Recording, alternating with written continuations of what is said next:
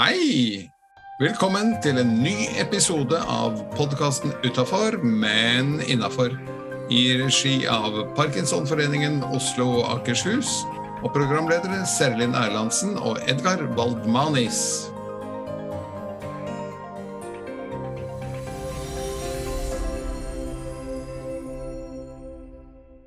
Hei, jeg heter som vanlig Serilin, og ved min side så har jeg smilende Edgar, God morgen. god morgen, du. Er det en god morgen? Ja, det vil jeg si. Ja. Det er litt eh, grått i Oslo i dag, da vi tar opp. Men eh, nå har vi jo sagt i ukevis at vi trenger eh, regnvær. Mye, faktisk. Så da slår vi hæla i taket og sier at det er en bra morgen. Ja, det er faktisk det. Jeg òg tenker det. Det er vel i år en skal være glad for regn. Absolutt. Ja, så nå er det bare til å danse reindansen og håpe at det styrter mer eh, resten av uken. Ja. Hva er det som er dagens plan, da, Edgar? Dagens plan er at jeg introduserer dagens plan. Det er det, som vanlig. Eh, Der skal vi ha dagens tips til hvordan man eh, lever bra med parkinson. Og så har vi ukens gjest, som denne gangen er Robert Nes. Han er nestleder i styret i eh, Fylkesforeningen Oslo og Akershus, og nestleder i styret i, lokalt i Asker og Bærum. Og er en eh, flink fyr med mye spennende tanker. Og han har også med seg en quiz. Og så har vi jo eh, en kort fremsnakk. Og setter sette punktum med kransekakevitsen. Og der er jeg spent på Nå ligger vi ganske lavt eh, der, men eh, ja, det er din oppgave å ro den i land. Så det er i korthet eh, programmet. Og da går vi helt sømløst over på dagens tips. Ja. Den skal jeg komme med. Jeg tenker at vi har jo hatt mye gjester som fremsnakker og heier på trening, og det er kjempeviktig. Men så er det jo en del som ikke gjør det. Så jeg har, te har tenkt litt på det i det siste, at det, det er litt viktig at vi kanskje ikke At vi har litt fokus på å ikke sammenligne oss for mye. At uh, når vi drar på ting, om det er venner eller i foreninger, eller om det er på trening, så er det noe med å møte og snakke om og inspirere hverandre. Men prøv å ikke sammenligne deg med de som får så mye til. Fordi når de får til mye trening, så får du kanskje til helt andre ting. Fordi vi har forskjellige interesser, og vi er gode på eh, forskjellige ting. Så inspirer det gjerne du som ikke er den som trener mest, for da er du kanskje hun som baker eller hekler eller strikker eller eh, løser kryssord, eller gjør helt andre ting. Så prøv å hente inspirasjon fra hverandre, men ikke sammenlign deg, og da kjenn på nederlag hvis du snakker med noen som får til noe som du tenker er mye mer enn deg, fordi at en glemmer å ha fokus på andre ting en gjør. Fabelaktig bra tips eh, for dagen. Skal vi da ringe opp eh, gjesten? Da tar vi og ringer opp ukens gjest, Robert Nes.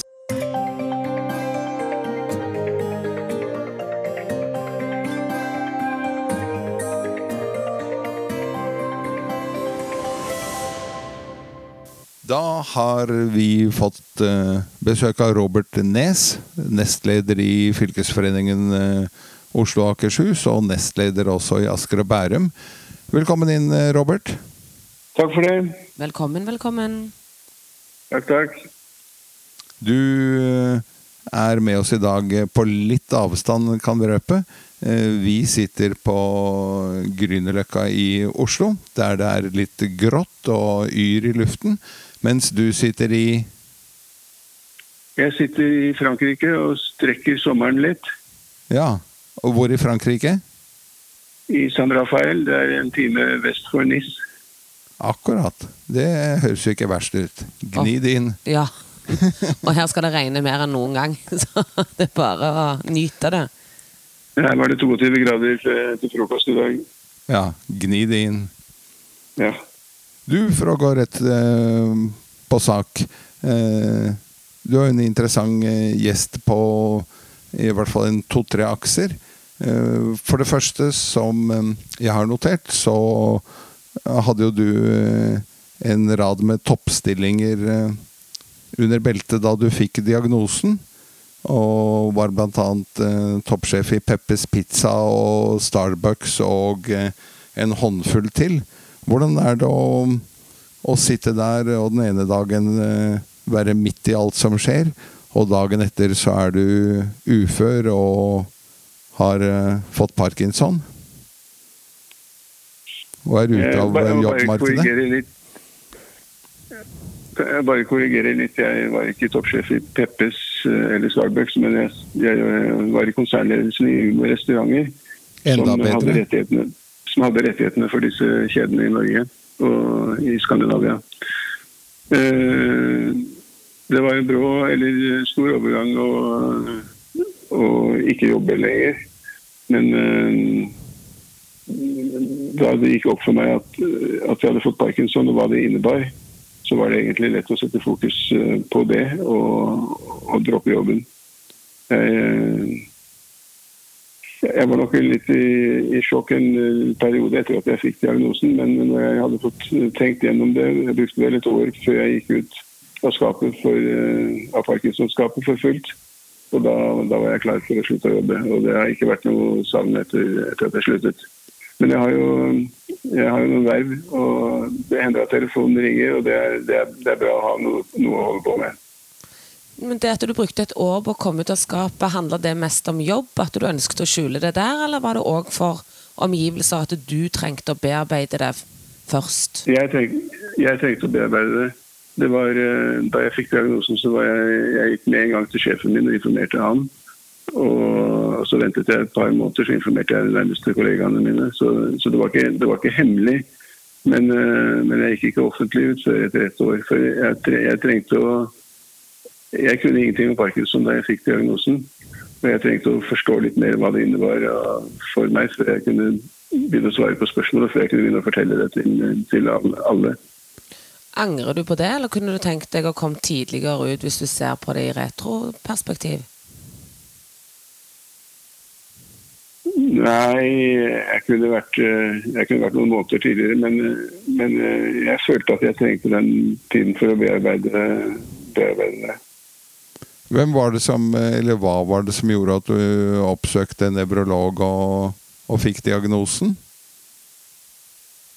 Det var eh, Jeg hadde vel en periode kjent på meg selv at, eh, at jeg ikke var i toppform. Så jeg tenkte at jeg mangler noen vitaminer eller noe sånt, så jeg får ta en tur til legen en dag. Men, men så skjøv jeg på det og skjøv på det. Men så var vi ute med et vennepar, og da sa de at nå skal vi fortelle dere en sak. Hun hadde fått uh, symptomer og hadde gått til, uh, hadde gått til uh, kontroll dagen før og fått beskjed om at hun hadde hjernesvulst. Det var en godartet svulst, men de fortalte om det, og da gikk det iskaldt nedover ryggen på meg, for jeg kjente meg igjen i de symptomene hun beskrev. Så jeg trodde jeg hadde hjernesvulst. Og det var en tøff tid eh, før jeg da kom til, eh, kom til kontroll hos nevrologen. Og, og jeg ble nesten lettet da han sa at du har parkinson. Jeg skulle jo si at du har jo bare parkinson og slett ikke noe Ja, det, det, var, det, var, nesten, det var nesten den stemningen da. Men jeg visste ingenting om parkinson, så, så, så, så da var det å sette seg ned og begynne å lese. Ja. Ja. Var det lett å få tak i informasjon? Altså det å eh, trenge litt tid å bearbeide, men brukte du lengre tid fordi det var vanskelig å få tak i den informasjonen du trengte? Ja, jeg hadde jo ikke noen annen informasjon enn nettet. Jeg hadde aldri sett noen med parkinson, jeg visste ikke hva det var. Eh, og, og den informasjonen som ligger på nettet er jo litt eh, Det kan være litt skremmende. Mm. Og så, og så var jeg på et, et eller to sånne møter i, i foreningen. Men eh, det, det var skremmende det også, for jeg, jeg synes det var, det var litt, det var litt traust og litt fremmed. Og det som virkelig gjorde forskjell for meg, var at jeg kom meg på Fram og fikk vært eh, et seks ukers opphold eh, dagopphold på Uniker Fram, hvor jeg fikk møte andre og fikk veldig god skolering i hva parkinson er for noe. Så flott. Og det var, da, det var da jeg var klar for å gå ut også, og, og, og legge det på Facebook til alle venner, ikke bare, ikke bare de nærmeste. Ja. Og hva har reaksjonen vært fra fra venneflokken? Fra nettverket ditt? Nei, den var veldig positiv. Jeg, jeg fikk utrolig mange positive tilbakemeldinger. Dette klarer vi, og vi står med deg. Det var direkte rørende. Har du funnet noe du gjør for å motvirke parkinson, eller eh, få parkinson til å gå saktere? Hva er det dine triks er? Jeg eh, har eh, forsøkt å lese meg opp litt, og så har jeg vært eh, i kontakt med, med mange. Og det som jeg har lært, er at uh, jeg kan ikke Det er min sykdom. Det er mitt problem. Det er min kamp. Jeg, jeg står ikke alene, men det er, det er jeg som må, må, slåss, og det er jeg som må ta beslutningene. For legene, de, de, de kan bare gi råd. Og så jeg, ser jeg for meg at jeg har laget en, en sånn skjoldborg rundt meg. Hvor de som står nærmest, det er fastlegen og nevrologen og manuellterapeuten og logopeden. Og så min kone Hilde. Vi, vi danner en sånn kjerne, og vi, vi, vi slåss med det er jeg som må ta beslutningene. Mm. For uh, sykdommen er Det er ikke noe fasit på, på noen ting. Den er li, ulik for, for alle. Mm. Og det er bare jeg som vet hvordan medisin virker, og hvordan, uh, hvordan ting kjennes. Og så har jeg i neste runde i den forsvarsklubben så ligger ligger eh, venner, familie, bokseklubben, som er, som er veldig bra. Og Parkinson-miljøet for øvrig, som jeg har blitt, introdusert til gjennom, gjennom foreningen. Ja. Og da føler jeg at jeg, jeg kan slåss mot, uh, mot Parkinson med, med, med, bra mannskap. Nydelig bilde og fin måte å tenke om det på, må jeg si. Ja, det, det syns jeg også. Det er en uh, utrolig flott uh, måte, både som vi sier er metaforen, og, uh, og det andre at du faktisk da har definert og sagt at der er fastlegen, og der er ektefellen, og der er nettverket mitt for øvrig. Så det er noe jeg syns veldig mange andre kan tenke og igjen, som du sier, det må jo hver enkelt tilpasse seg og sin parkinson. Og hvem som skal være dennes eh, Skjoldborg og, og, forsvarssoldater.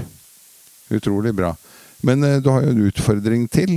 Eh, vi skal ikke bruke all verdens tid på det, men eh, din kone Hilde har sine ting å stri med? Ja, hun har en diagnose, hun også. Hun har kronisk klasehodepine, som er en uh, sjeldnere sykdom enn en Parkinson. Den berører rammer 0,1 av befolkningen. Og den innebærer uh, den verste, den verste smerte mennesker kan oppleve. Så den, det er en tøff sykdom, så hun, hun går på medisiner for å unngå å få for mange anfall. Og når hun får anfall, så gjelder det å redusere smertene.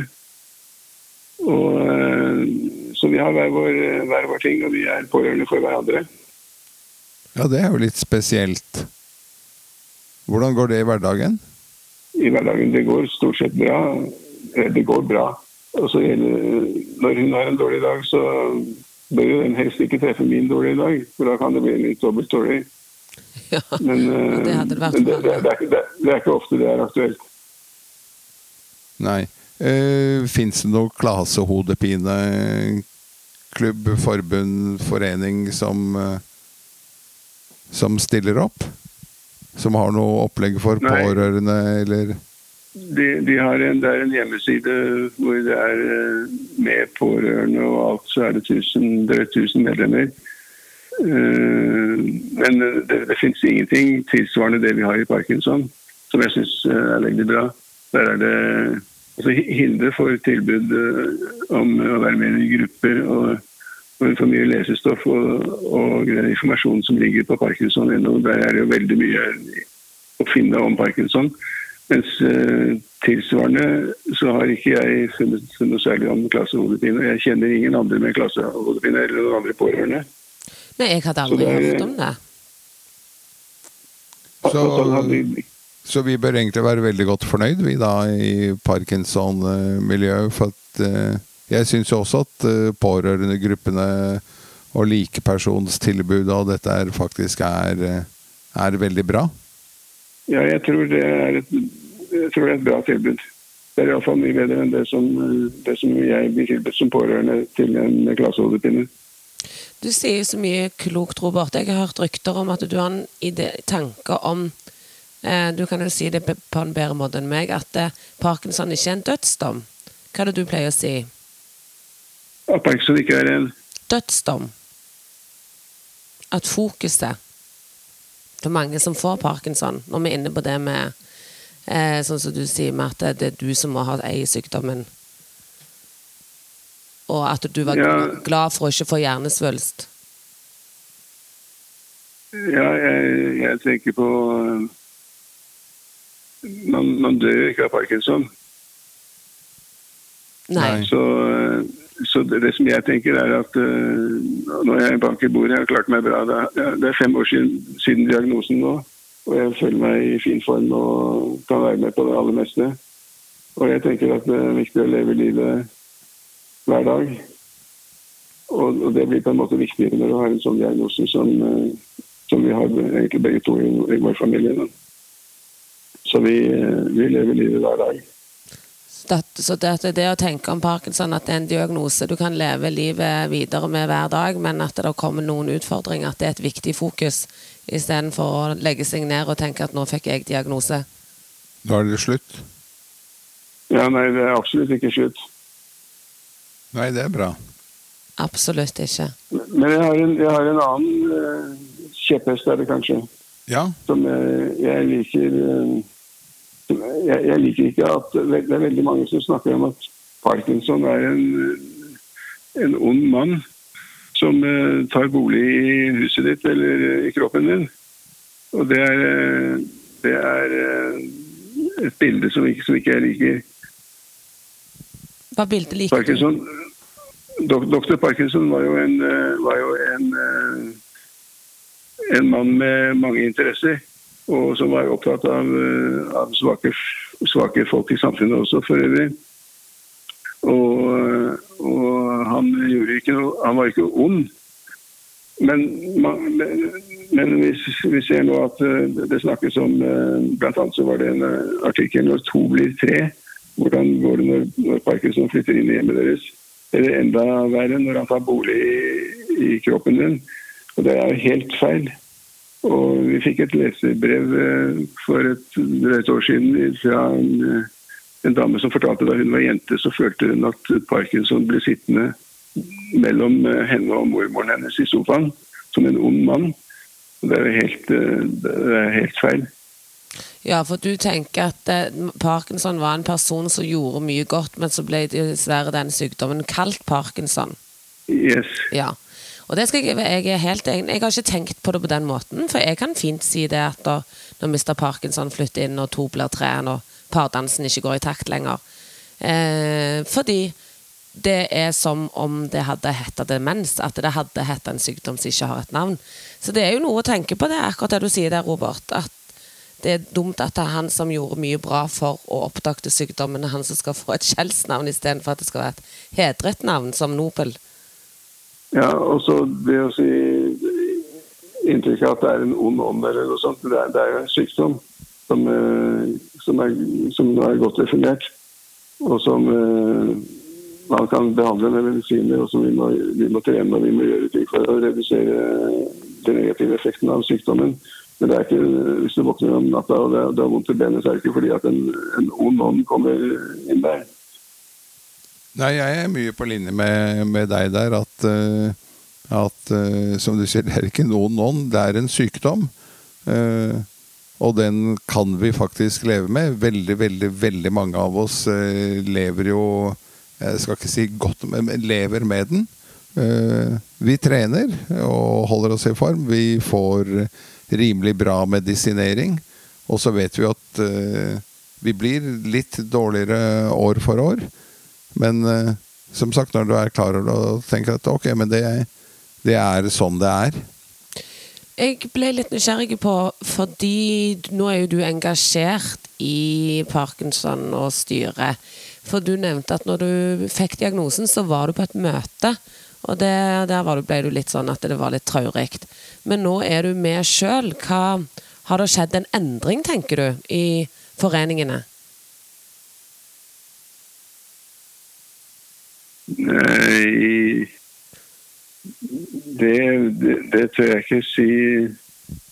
Det er nå du skal være tydelig og si ja, det har skjedd en endring, og nå har vi det så gøy.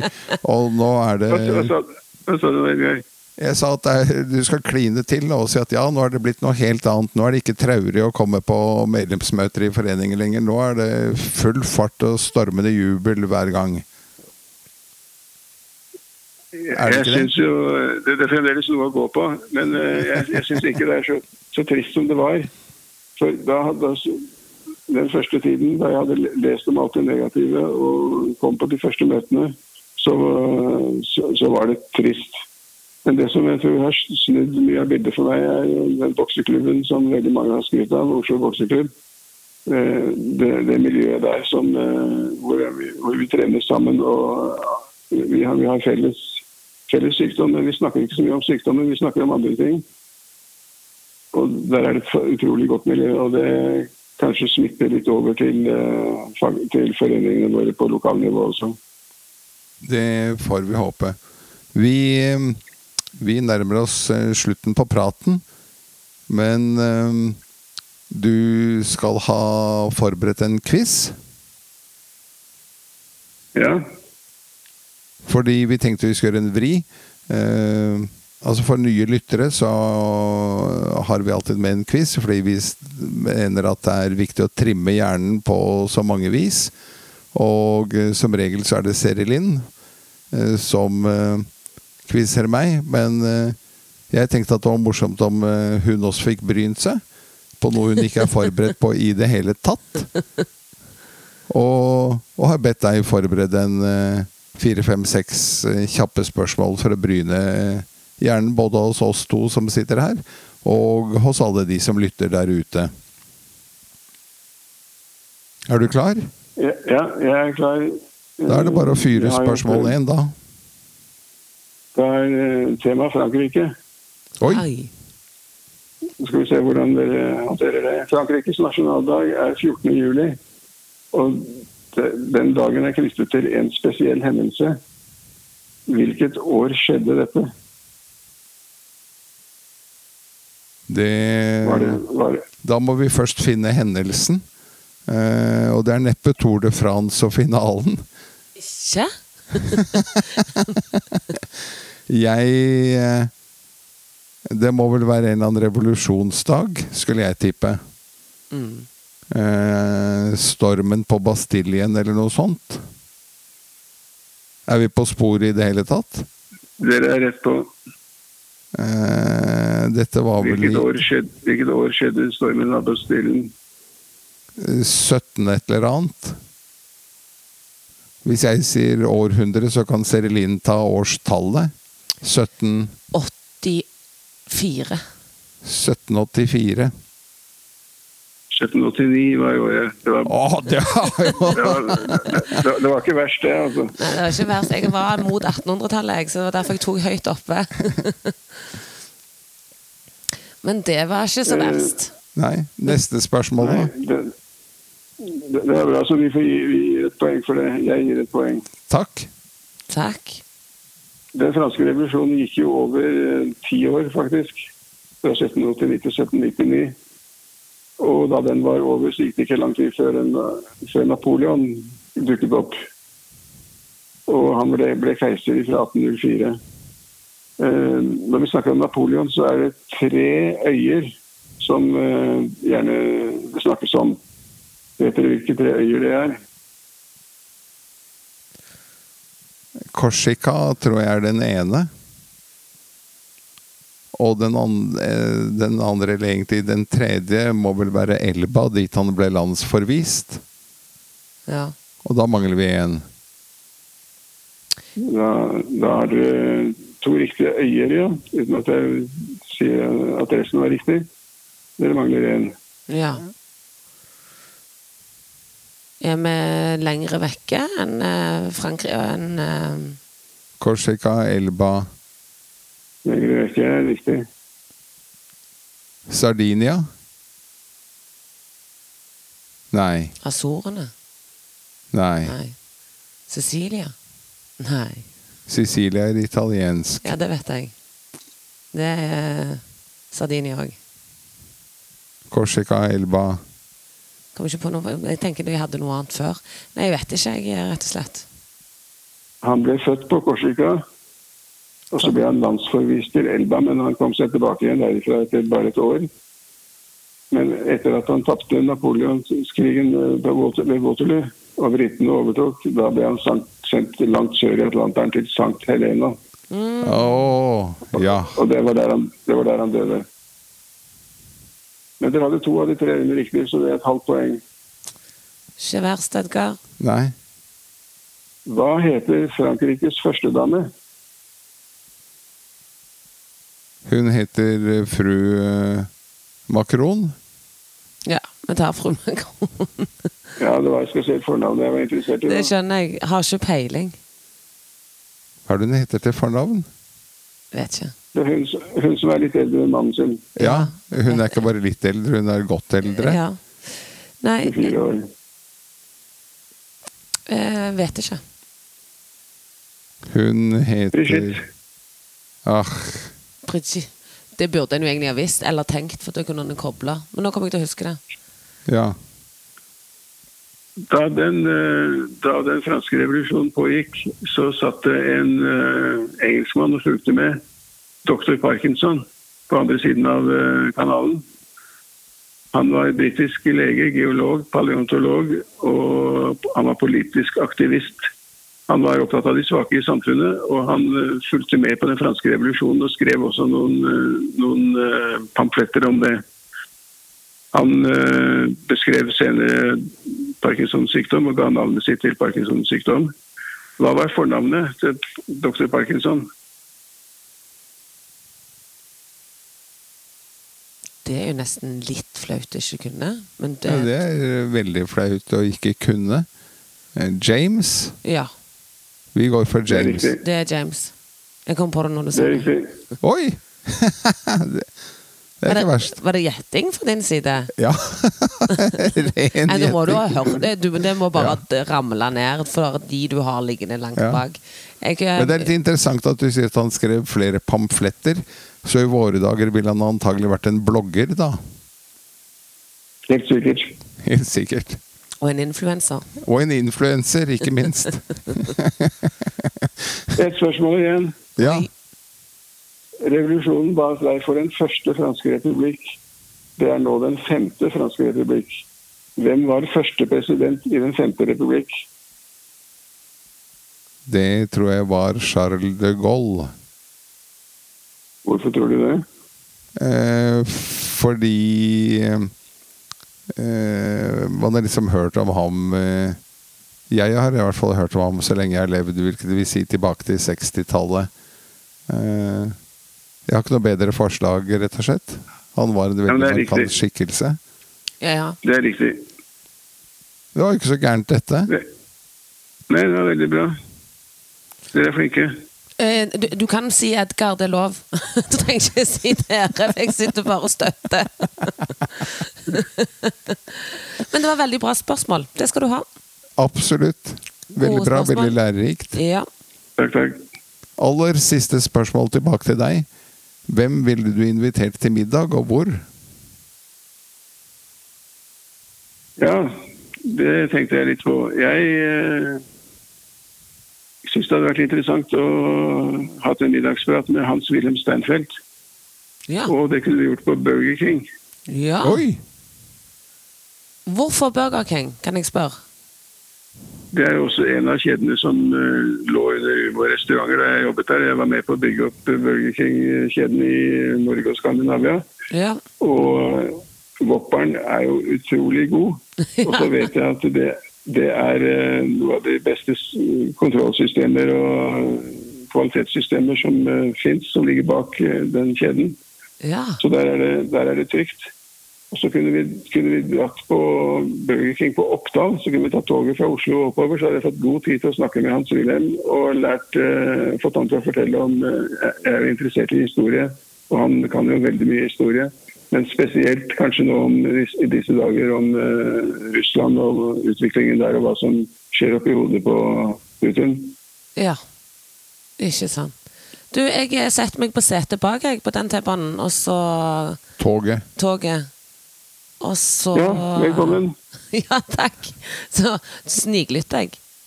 Gjør det. Jeg tror at jeg eh, henger med på den.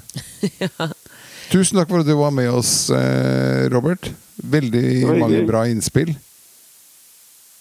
Og så håper jeg du følger med på podkasten videre også. Ja. Jeg tar, skal òg ta med meg det du sa om eh, parkinson og det at han tar bolig. Så eh, takk for nydelige innspill. Jo, Ha det godt. ha det godt. Hei, hei. Hei.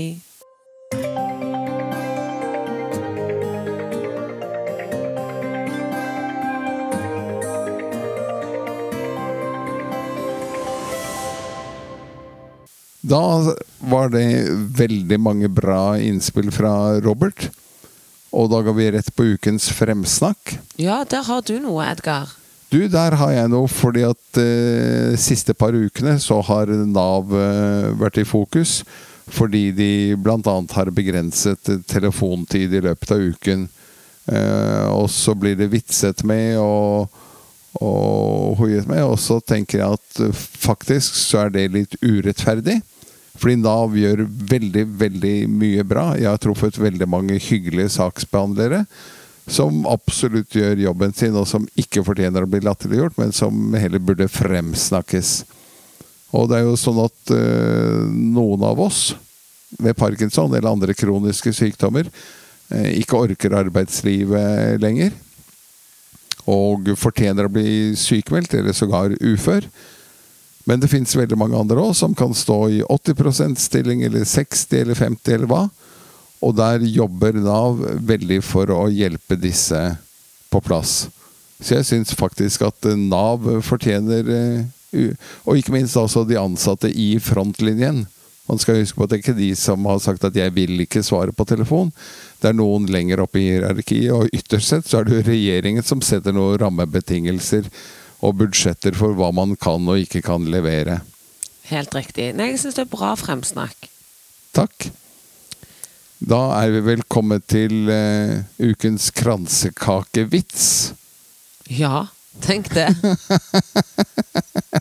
Jeg jobber jo Som vanlig så ler jeg før vi har hørt den.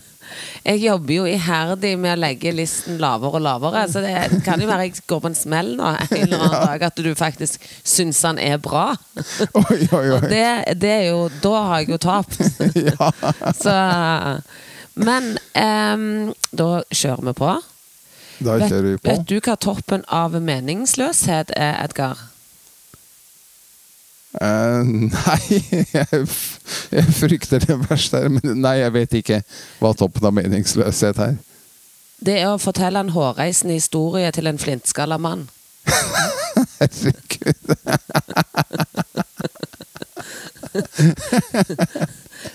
Hvordan tok han til deg? Ikke sant? For de som, de som vet hvordan jeg ser ut, vet at jeg er særs tynn i håret. Og én millimeter er liksom da jeg klipper på ny. Nei, det var dårlige greier. Åh, du var god, jeg. Ja. Omtrent på linje med de andre. Ja, da har jeg oppnådd målet. Riktig. Og vi har eh, nådd eh, målstreken for eh, ukens sending. Det har vi. Så da er det bare å takke for følget. Det var alt for denne gang av podkasten Utafor, men innafor. Programledere som vanlig Serlin Erlandsen og Edgar Wold Manis. Vi ønsker på hjertet gjenhør ved neste anledning.